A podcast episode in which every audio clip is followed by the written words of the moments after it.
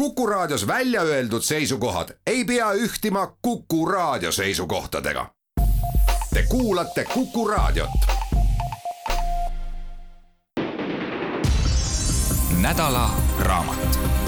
Indrek Rohtmets, üks rott läks rändama kirjastuselt Varrak. mina, Krõssu, olen rott, ainult rott ja mitte midagi muud kui rott ja häbeneda pole siin midagi. mul on suur ja väga vana suguvõsa. sel ajal, kui dinosaurused ringi müdistasid ja maailma valitsesid, krabistasid põõsastes rotitaolised, just nimelt rotitaolised loomakesed ja ootasid oma tundi kiiret neil polnud, kasvatasid oma lapsukesi ja tegid neile sauruse munadest koogelmoogelit ja müdistasid need brontosaurused ja triceratopsid ja tyrannosaurused, mis nad müdistasid, kuid välja nad surid. ei jäänud siis meil, imetajatel, kuuekümne miljoni aasta eest muud üle, kui maakera oma valdusesse võtta. ja nüüd jõuan ma kõige tähtsama asjani. nimelt olen mina tänaseni rotitaoline loom millest järeldub, et täiuslik vorm ei muutu. Küll on siin aja jooksul nähtud igasuguseid karvaseid ja sulelisi, näiteks kasvatasid mõned põrrad endale üksvahe nii suured ja uhked sarved pähe, et ei jaksanud enam kõndida. siis tulid teised väiksemate sarvedega sellid ja lõid neilt naised otse nina eest üle, uhkelda siis veel. minul on aga uhkustamiseks põhjust küll ja veel ma söön kõike, olen kosmopoliit ja elukutseline kutsumata külaline. Kus on viljasalv, seal on ka rotid. me kaevame silmatorkavalt uhkeid mitmekorruselisi urgusid, me oleme karastanud lõputu tagakiusamise tules ja iibe üle me ei kurda rotipered ei vaja sotsiaalhoolekannet ega looduskaitset ja me põgeneme uppuvalt laevalt, sest siiani pole me kuulnud ühtegi mõistusepärast seletust, miks põrgu päralt peaksime sinna jääma. osa meie hõimust on alustanud koostööd inimesega. Paraku on laboriroti töö hirmus eluohtlik pensionile pole sealt veel keegi pääsenud. meie peal katsetatakse kõike alates uutest arstimitest kuni naiste huulepulkadeni välja tegelikult ei ole ma päris kindel, kas inimesed on seda väärt, et meie, rotid, nende eest elu peaksime andma. Üks õigustus siiski on, inimestel on nimelt komme endale igasugu toidukraami tagavaraks koguda. see komme väärib kahtlemata heakskiitu. Ja mis seal siis ikka, kui mõned miljonid minu hõimlased oma elu ohverdavad, et nad kahtlase väärtusega varusid koguvad olevused saaksid ninaesise kindlustada miljarditele meie omadele Endast oleks mul veel palju pajatada ja et tagasihoidlikkus pole kindlasti see, mis mind kaunistab, siis on minu isik ka järgnevatel lehekülgedel ikka ühel või teisel kombel nähtaval. peategelaseks on aga edaspidi mitmesugused loomad ja taimed, kellega me praegusel ajal oma koduplaneeti jagame paljusid nendest me Eestis ei kohta, kui me just ei räägi looma- või botaanikaaiast. igaüks neist loomadest ja taimedest on millegi poolest eriline või isemoodi. muidu ma neist ju ei räägikski. aga lähme nüüd pealegi retkele kaugetesse maadesse, kus päevad on heledamad ja ööd tumedamad. usun, et kui see reis on selja taga, on sul juures terve trobikond uusi tuttavaid, keda järgmisel kohtumisel juba oma semuna tervitada võid ja nii täpselt rääkis meile Rott Krõssu oma autori Indrek Rohtmetsa häälega. tere, Indrek. tere see raamat, mis on uskumatult põnev oma ülesehituselt ehk üks rott läks rändama, ongi roti lugu sellest, mida ta maailmas näeb. räägi, kust see Krõssu mõte tuli, et selline üsna kopsakas kolmesaja leheküljeline lugude hulk nagu kokku panna ja kellele see orienteeritud on? jaa, siin on mitu küsimust. hakkame ühest peale. ma hakkan esimesest peale, et, et tegelikult on tänapäeval äh, lausa popp või äh, sõna otseses mõttes vältimatu öelda, et, et kõige tähtsam on jääda iseendaks. kõik tahavad jääda iseendaks, aga vahel on ju niimoodi, et iseendaga võib hakata ka veidi igav või, või mõned asjad hakkavad liiga tihti korduma, aeg-ajalt on ju päris tore olla ka keegi teine. seda nimetatakse kauges kultuurkeeles alter egoks, teiseks minaks.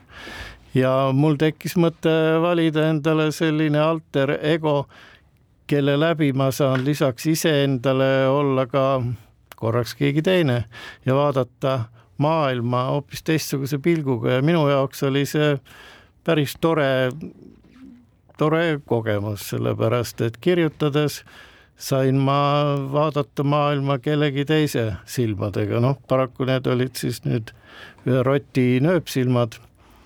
aga temal olid palju avaramad võimalused kui minul, kes ma kogu aeg pean jääma iseendaks. aga tema sai vaadata maailma tugevalt neljale jalale, jalal seistes ja ja rahulikult, rahulikult oma mõtteid heietada, ilma et oleks pidanud nende eest kellelegi aru andma, sellepärast et kes see läheb ikka rotti kraadpidi sakutama ja süüdistama, et ta valesid mõtteid on, on esitanud, nii et nõnda, nõnda tekkis see, see plaan seda asja kirjutada, kellele ta on määratud mina just Nii? vaatasin seda, et, et äh, algul ma kujutasin ette, et see võiks olla orienteeritud lastele. siis, kui ma lugesin oma väiksematele järeltulijatele sedasama nii-öelda lugu, siis ma sain aru, et ei, ei, see on ikkagi koos lugemisel nii väärtuslik, et, et minule endale jääb ka, kuigi mulle tundub, et ma ju tean väga palju, jääb ikkagi midagi külge et kas võib enam-vähem öelda, et see on nagu kõigile mõeldud? no peaaegu mingisuguse samasuguse lause oleks ma tahtnud äh, siin moodustada, et, äh, et ta on teatud mõttes ikkagi ajatud, ta sobib lugemiseks nii lapselapsele kui, kui vanaisale, ma arvan, et võib juhtuda isegi midagi niisugust, et kui vanaisa hakkab öö, äh, oma armastatud jõmpsikale ette lugema, et siis ta võib-olla jätab korraks lugemise katki ja loeb veel ise edasi ja kratsib kukalt, mõtleb ahah, et kas siis niimoodi on need asjad. isegi see sissejuhatus ju nii võttes oli, oli üks äh, selline kontsentraat, mida võiks pidada isegi nii-öelda oluliseks osaks evolutsiooniõpetusest kuidas rööbiti on alles olnud ja olemas olnud väga erinevad liigid, kelle tasakaal on muutunud no tänane teaduse teadmine ütlevad meile seda, et imetajad tekkisid ennem ja nad olid tõesti väikesed ja rotitaolised ja ei lasknud ennast segada dinosaurustest ja nende kurvast, kurbloolisest hukkumisest.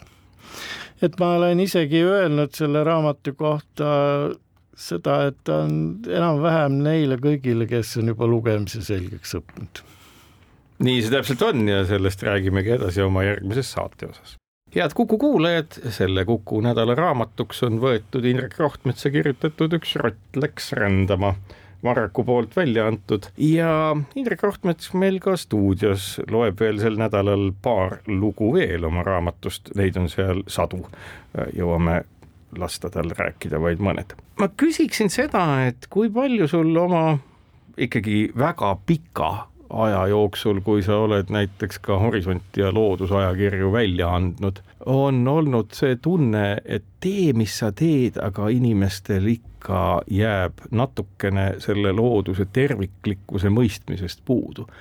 kas, kas, kas selline nii-öelda loodushariduse lonkamine, mida ju me näeme siis, kui mõni poliitik võtab sõna kliimaküsimustes või muu asi et kas see on täiesti lootusetu või see su raamat on üks viise, kuidas püüda seda olukorda veidi parandada? jah, mul oleks väga hea meel, kui see niimoodi oleks, ma ei ole nüüd küll äh, laiahaardeliselt äh, selle raamatu kokkupanemist, tegemist äh, endale ette kujutanud, aga teatud mõttes on ta välja kukkunud küll niimoodi, et ta annab pildi maailmast ja läbi siis ikkagi läbi loomade ja taimede, ma ei, tavaliselt on äh, lastele määratud äh, äh, loodusraamatud on loomakesksed, aga, aga nüüd antud juhul Krõssu on ikkagi avarama silmapilgi, piiriga või, või pilguga, nii et tema on haaranud siia juurde ka taimi palju ja mis on loomulikult ju selge, et me ei saa maailma vaadata ühekülgselt. mulle näeb mulje, et vahel on nii, et äh, sa siin mainisid poliitikuid ja otsustajaid, et nad meelsamini võib-olla isegi räägivad äh, füüsikast ja keemiast kui äh, bioloogiast, sellepärast et neile võib-olla tundub, et füüsikast ja keemiast niikuinii keegi aru ei saa, et sa võid rääkida mida tahes ja olla ikkagi päris haritud mees või naine, aga, aga bioloogiaga on teistsugune lugu, bioloogia Äh, ju tugineb ühel, ühel tähtsaimal äh, teadusteoorial, mis meil tänapäeval kasutada üleüldse siin maailmas on, see on evolutsiooniteooria, tema tähtsust äh, väljendab juba see, et on miljoneid, kes tema vastu vaidlevad. kui on mingi teooria, millele keegi vastu ei vaidle, siis see teooria ilmselt on mõttetu ja igav ütleme niimoodi, et natukene oponeerides on siiski niimoodi, et väga paljudele füüsikateooriatele ei vaielda vastu, kuigi nende põhjal ehitatakse ikkagi väga palju masinaid, kasvõi neid samu mobiiltelefonigi, mida kõik ju naudivad, nii et seal on ka nagu nii ja naa, aga üldjoontes ma olen sinuga nõus. evolutsiooniteooria on ilmselt üks äh, kõige rohkem äh, paljude jaoks hambus risti olev arusaam maailmast. on ja, ja nüüd äh, ma arvan, et see pigem kukkus välja, et Krõssu on tegelikult äh, äh, tegelikult tarvinist ja evolutsionist. Kuigi Darwini teooriat on oluliselt täiendatud, sinna on lisatud moodne geneetika, aga see ei ole kuidagiviisi Krõssul, kes on tõenäoliselt, nagu ta isegi ütleb, selline eluvorm, mis on tänaseni säilinud peaaegu muutumatul kombel, järelikult on tal äh, mingeid tõsiseid eeliseid. ja kui me hakkame nende eeliste üle mõtlema, siis me jõuame jälle välja evolutsiooniteooriasse, nii et et äh, Krõssu võiks anda alust äh, laiemale maailmapildile, kus on koht ka arengulool ja kus on äh, koht ka väga tihedatel suhetel, mis looduses valitsevad, mis kipuvad ununema.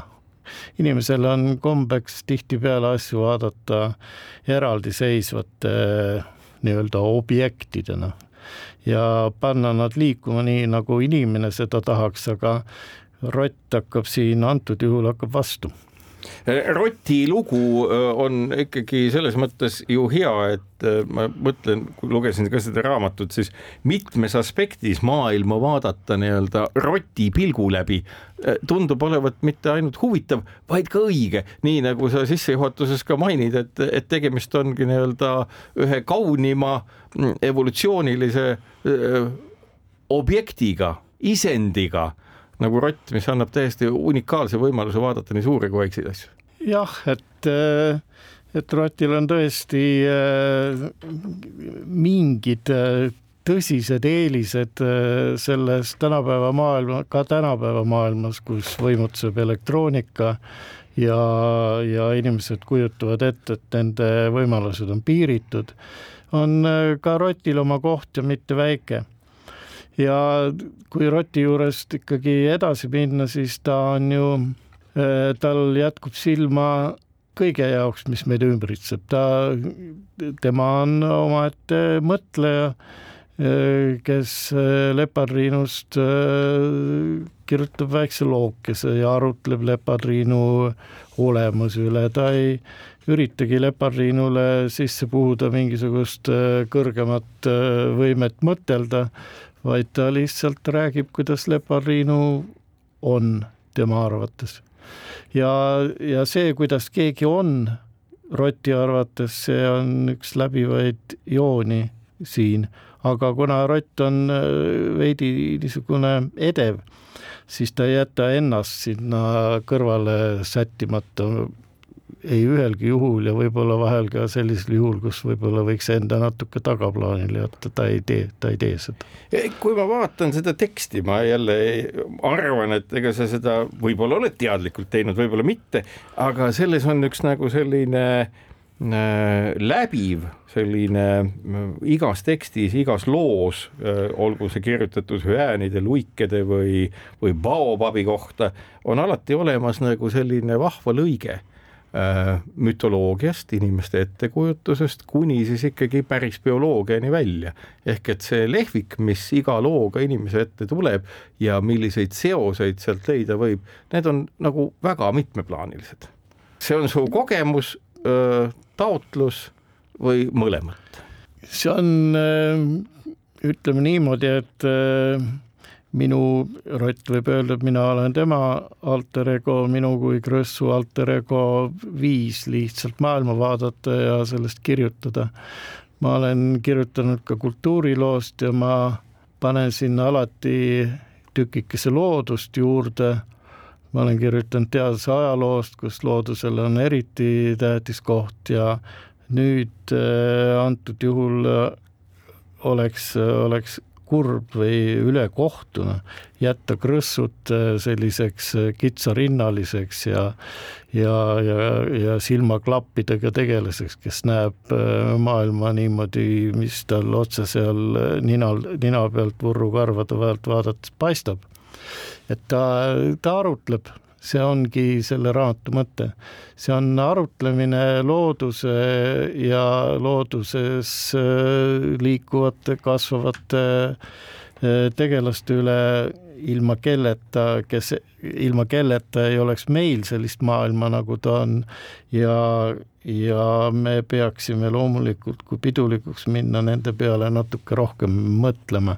rotil ilmselt on jagunud aega, et, et selle, selle mõtlemisega tegeleda. Mina julgeks seda raamatut küll soovitada pea vaata et iga vanuseastme kooliõpikuks lihtsalt ette lugeda, lihtsalt ette lugeda, sellepärast et igas vanuseastmes on inimesi kes veidi erinevalt neid tekste mõistavad ja haaravad, aga sellest juba meie järgmisel korral. Läbi aegade on ikka üteldud, et luiged lähevad lumi taga ja eks ta ole, luiged on tõepoolest ühed viimased lahkujad meie lindude seas ning vahel ongi täpselt nõnda, et kui luiged lähevad, on ka lumi tulekul. ükskord ma nägin isegi, kuidas luiged lendasid lausa lumesajus.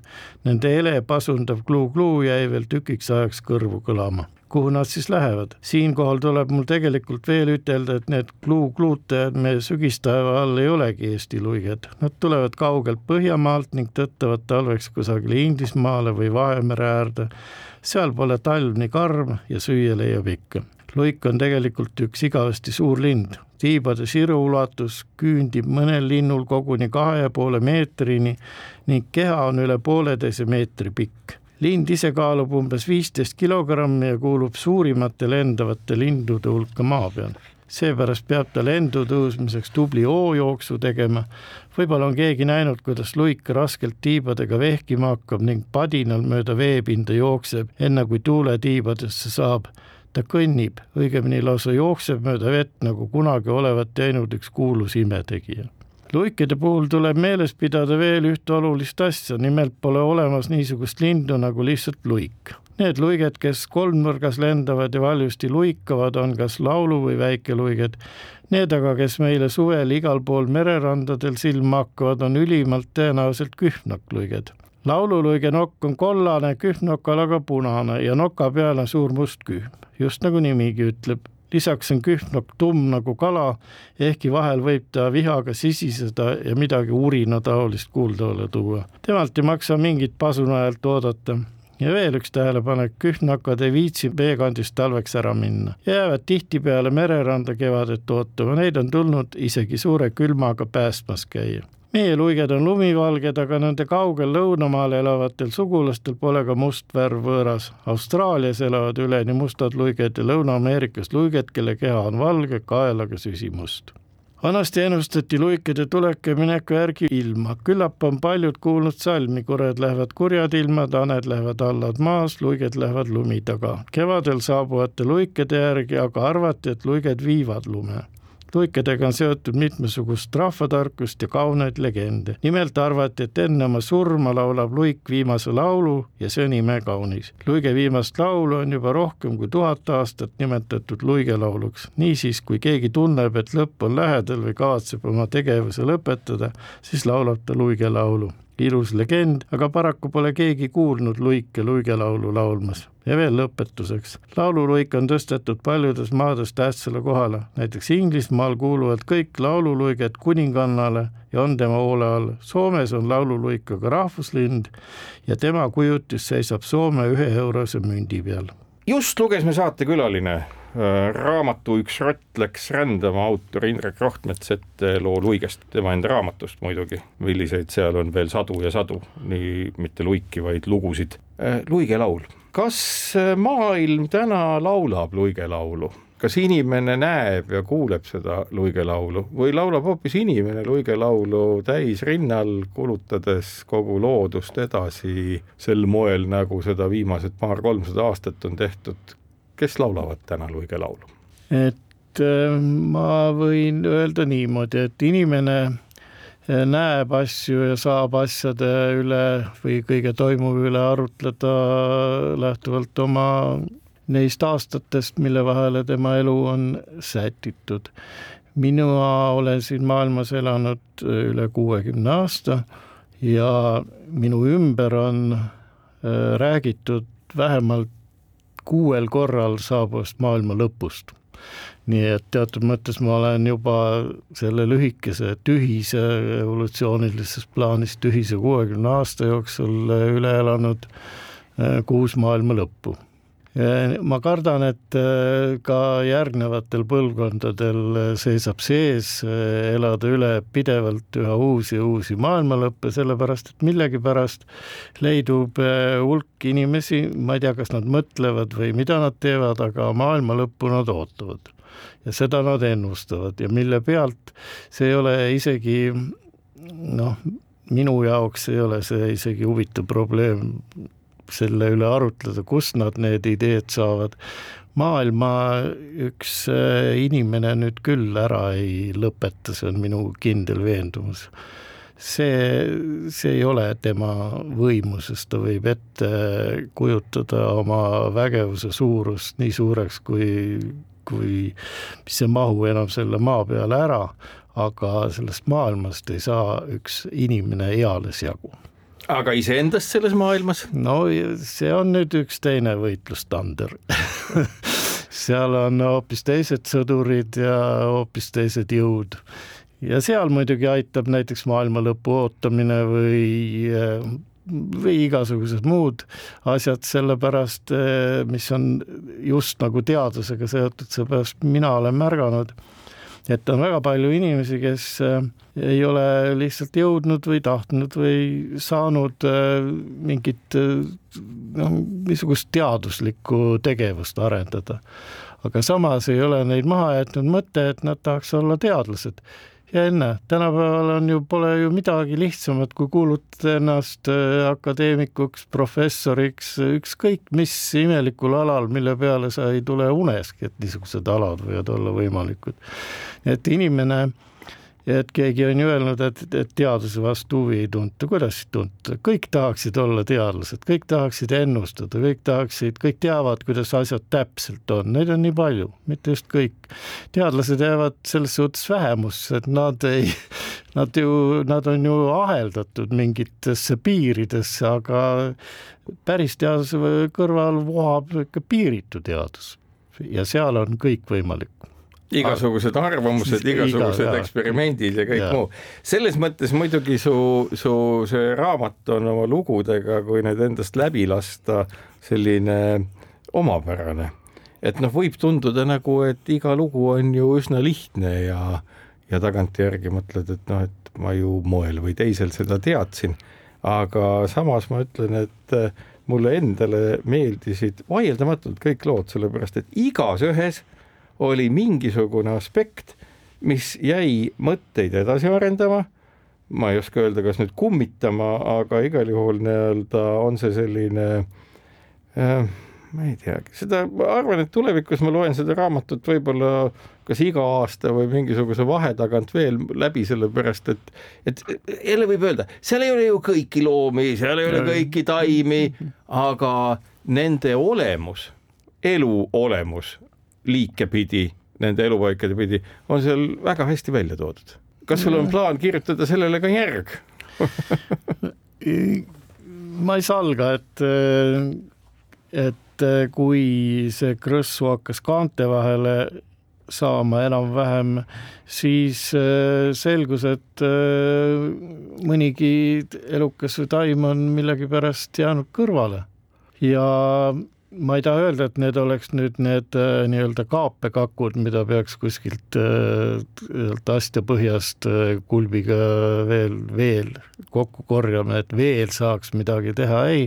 ma arvan, et enam-vähem samas väärtuses, kui ta pakub huvi, siis enam-vähem samas väärtuses saaks Krõssu lugusid jätkata, jätkata muidugi mitte lõpmatult, kuigi maailmas on väidetavalt äh, Äh, miljardeid putukaliike ja kui neid, neist kõigist hakata omaette portreed kirjutama, siis see tuleks üks paras Babuloni raamatukogu, aga aga saaks.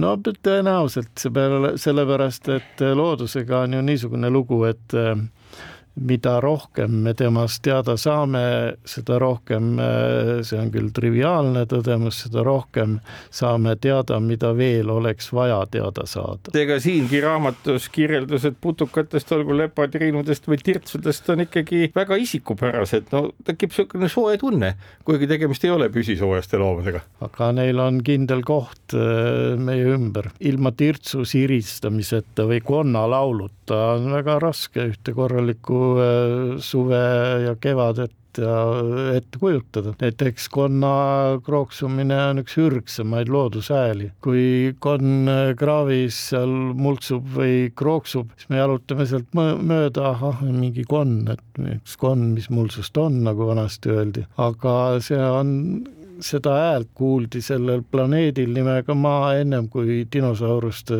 dinosaurused tuli, kuuldi väga ammu, rohkem kui kakssada miljonit aastat tagasi. ehk et need on ürgsed rütmid, mida ja, me enda ümber ja. näeme ja nendes on tõenäoliselt mingi tähendus ka meie, ütleme siis genoomi ja toimimise jaoks. mine tea. aga sellest juba meie järgmises saates edasi head Kuku kuulajad, selle nädala Kuku raamat Indrek Rohtmetsa Üks rott läks rändama, Rott Krõssu vaated maailma peale üksikute lugudena, sadu neid kokku kirjutatud. Indrek Rohtmets meil ka stuudios, kellega räägimegi sellest raamatust. kas kõik need ka Eestis väljaspoolt ja kust iganes üles tähendatud loomad ja fotod on su enda tehtud? lõviosa. ma olen mõnedelt headelt Eesti looduse pildistajatelt mõne pildi nii-öelda laenanud.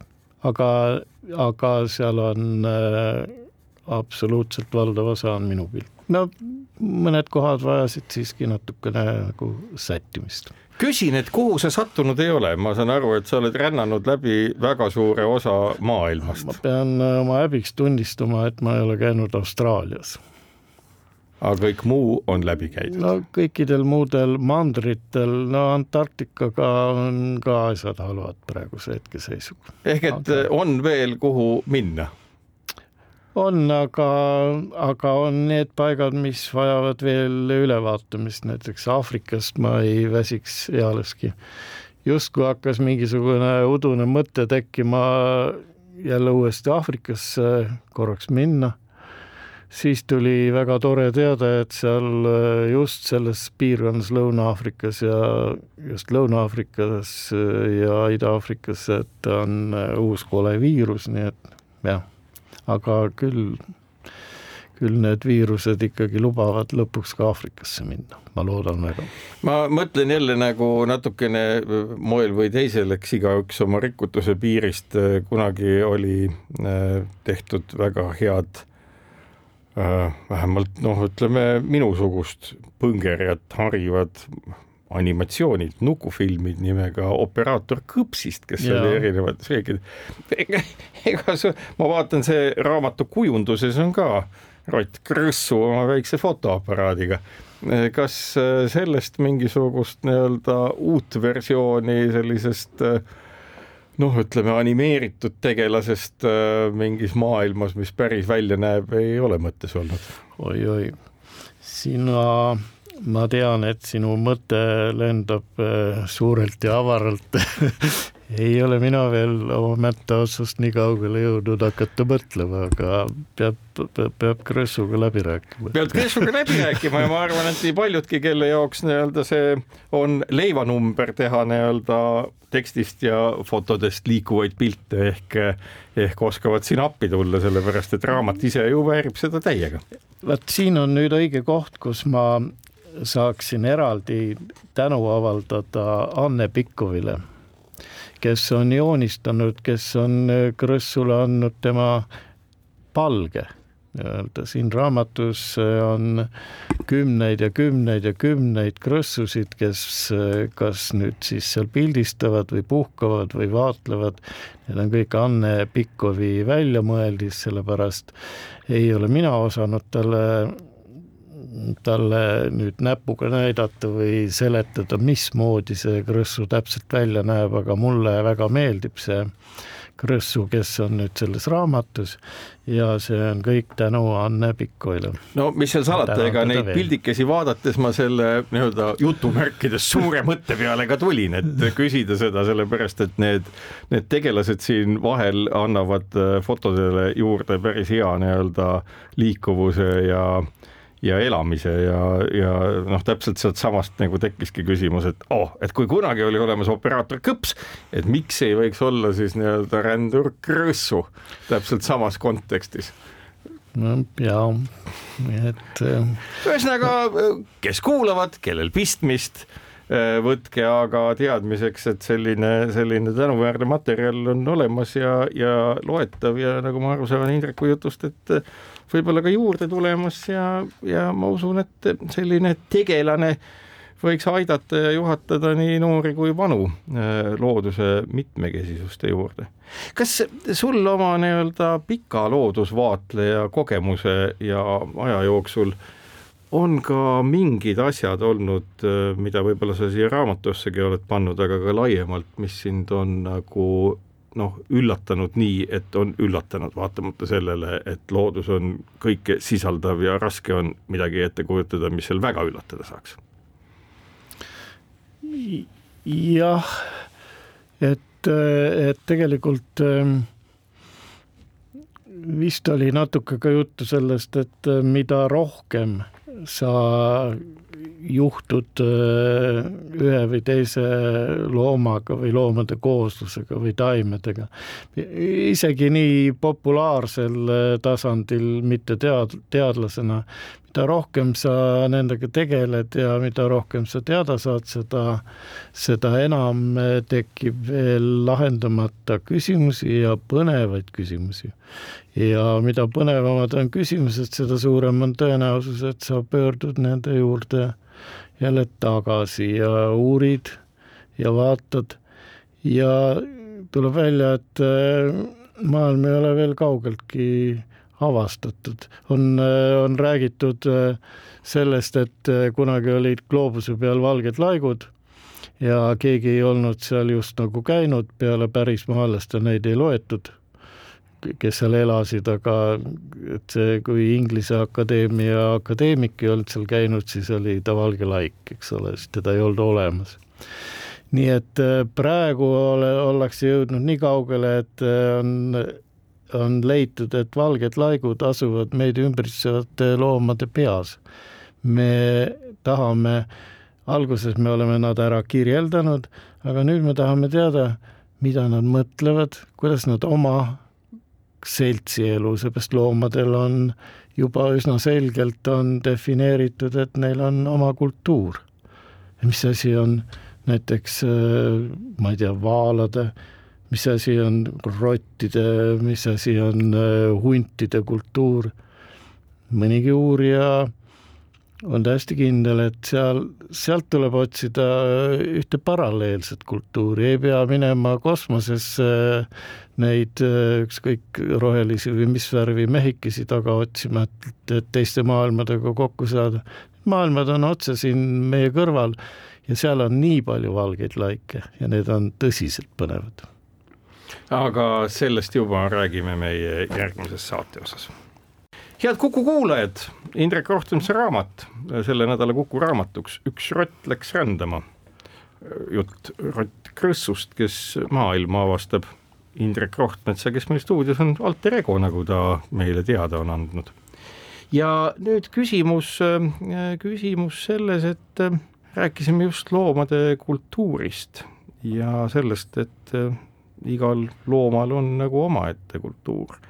selles osas ma mõtlesin küsida, et huvitav, et kas Platon on meile siis nii-öelda kuidas ilusasti öelda, karuteene teinud, kui öelnud kunagi ammu-ammu midagi umbes sellist, ega ma sõna-sõnalt ju ei suuda refereerida, aga et äh, inimese jaoks on olulised ja väärtuslikud ainult need tegelased, kes inimese moodi mõtlevad ja kõik muu ei ole üldse oluline.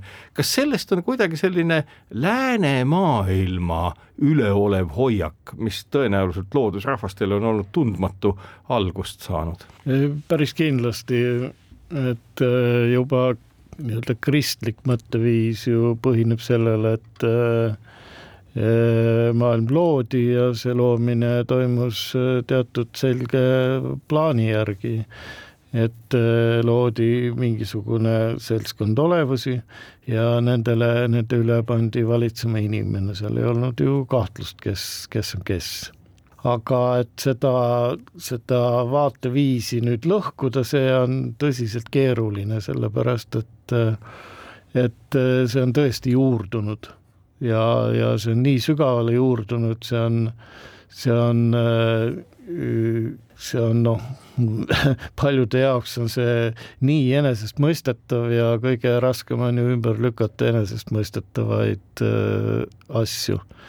aga kuidas loomad tunnevad eh, noh, kuidas nüüd taimed suhtlevad omavahel keemiliste sõnumite kaudu. eks seegi on teatud suhtlemine ja see maailm on, vajab veel suuresti avastamist, nii et jah, kogu see Platonist ja oo jumal hoidku selle nimekirja võib teha väga, väga pikaks, pikaks, eks ole, mulle lihtsalt kes, Platon meenus praegu. et kes kõik on, kes kõik on näinud maailma inimese kesksena ja noh, siit, kui seda kultuuri veel meenutada, et kultuur on, see on ju ametlik definitsioon, et kultuur on see, mida viljelevad inimesed.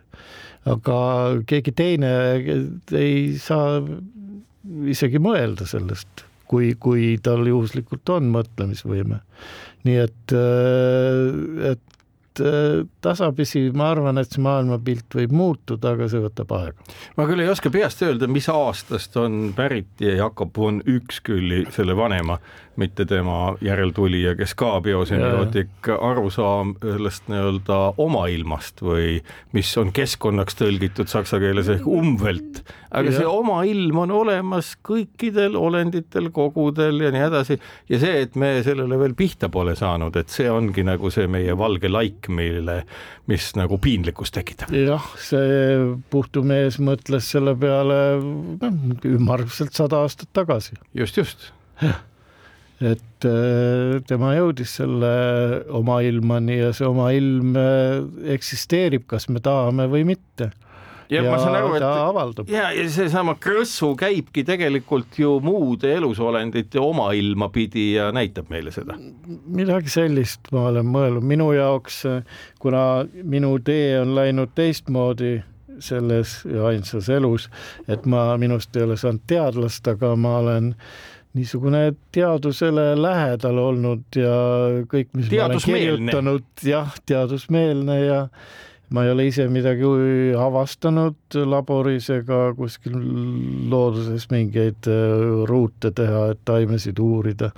aga ma olen üritanud lugemise teel ja mõtlemisega veidikene seda maailma enda jaoks laiemaks teha ja kui sa siis kirjutad, siis ta siis on lootus, et võib-olla keegi teine ka leiab sealt. no võin kinnitada, siit on leida väga palju ja selle nii-öelda just nimelt seesama nii-öelda inimesest sõltumatu maailma toomine ja ma ütlen veelkord, see Rott Krõssu, kuigi ta võib tunduda kuidagi nagu kummaline tegelane, noh, kuidas üks täiskasvanud inimene midagi hakkab lugema, et mida Krõssu teeb, aga sellel on oma sügav mõte ja see sügav mõte tuleb kohe ilmseks, kui te olete mõned lood sealt läbi lugenud ja loomulikult ära lugenud veel kord sellesama, sellesama sissejuhatuse Krõssu lugudele ja siis see pilt hakkab minema aina paremini ja paremini paika.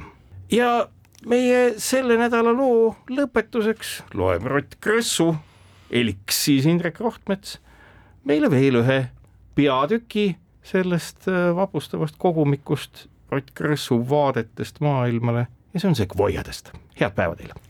sekvoiad. kord läksin külla oma tuttavale kirikurotile. Muidugi polnud tal mulle midagi külakostiks pakkuda, aga temaga on alati mõnus juttu puhuda. iga kord, kui ma tema juures käin, meeldib mulle ta ka kirikusse sisse piiluda. millised sambad ja kui kõrge lagi, pea hakkab ringi käima minu semu hakkas aga rääkima, et Ameerikas kasvavad puud, kes on palju kõrgemad kui see lagi ja kõrgemad isegi kui paljude kirikute tornid. nojah, mõned kirikud on küll ka nendest puudest kõrgemad, lisas ta. ma ei tahtnud seda kõike uskuda, aga kirikurott on auväärne ja teab, millest räägib. Läksin siis koju ja hakkasin tema juttude järgi unistama. kujutasin ette, et siban pruunikas punaste hiigelsammaste vahel kui üritasin ülespoole vaadata, siis ei saanud üldse aru, kus nad lõpevad. Need sambad ei olnud üldse külmad ja kivised, vaid hoopis soojad. Läksin ühe samba juurde ja mõtlesin, et teen tiiru ümber selle. Ma tean, et keskmise tempoga jõuan ma ühe sekundiga joosta ühe meetri. andsin endale stardi ja pistsin lippama.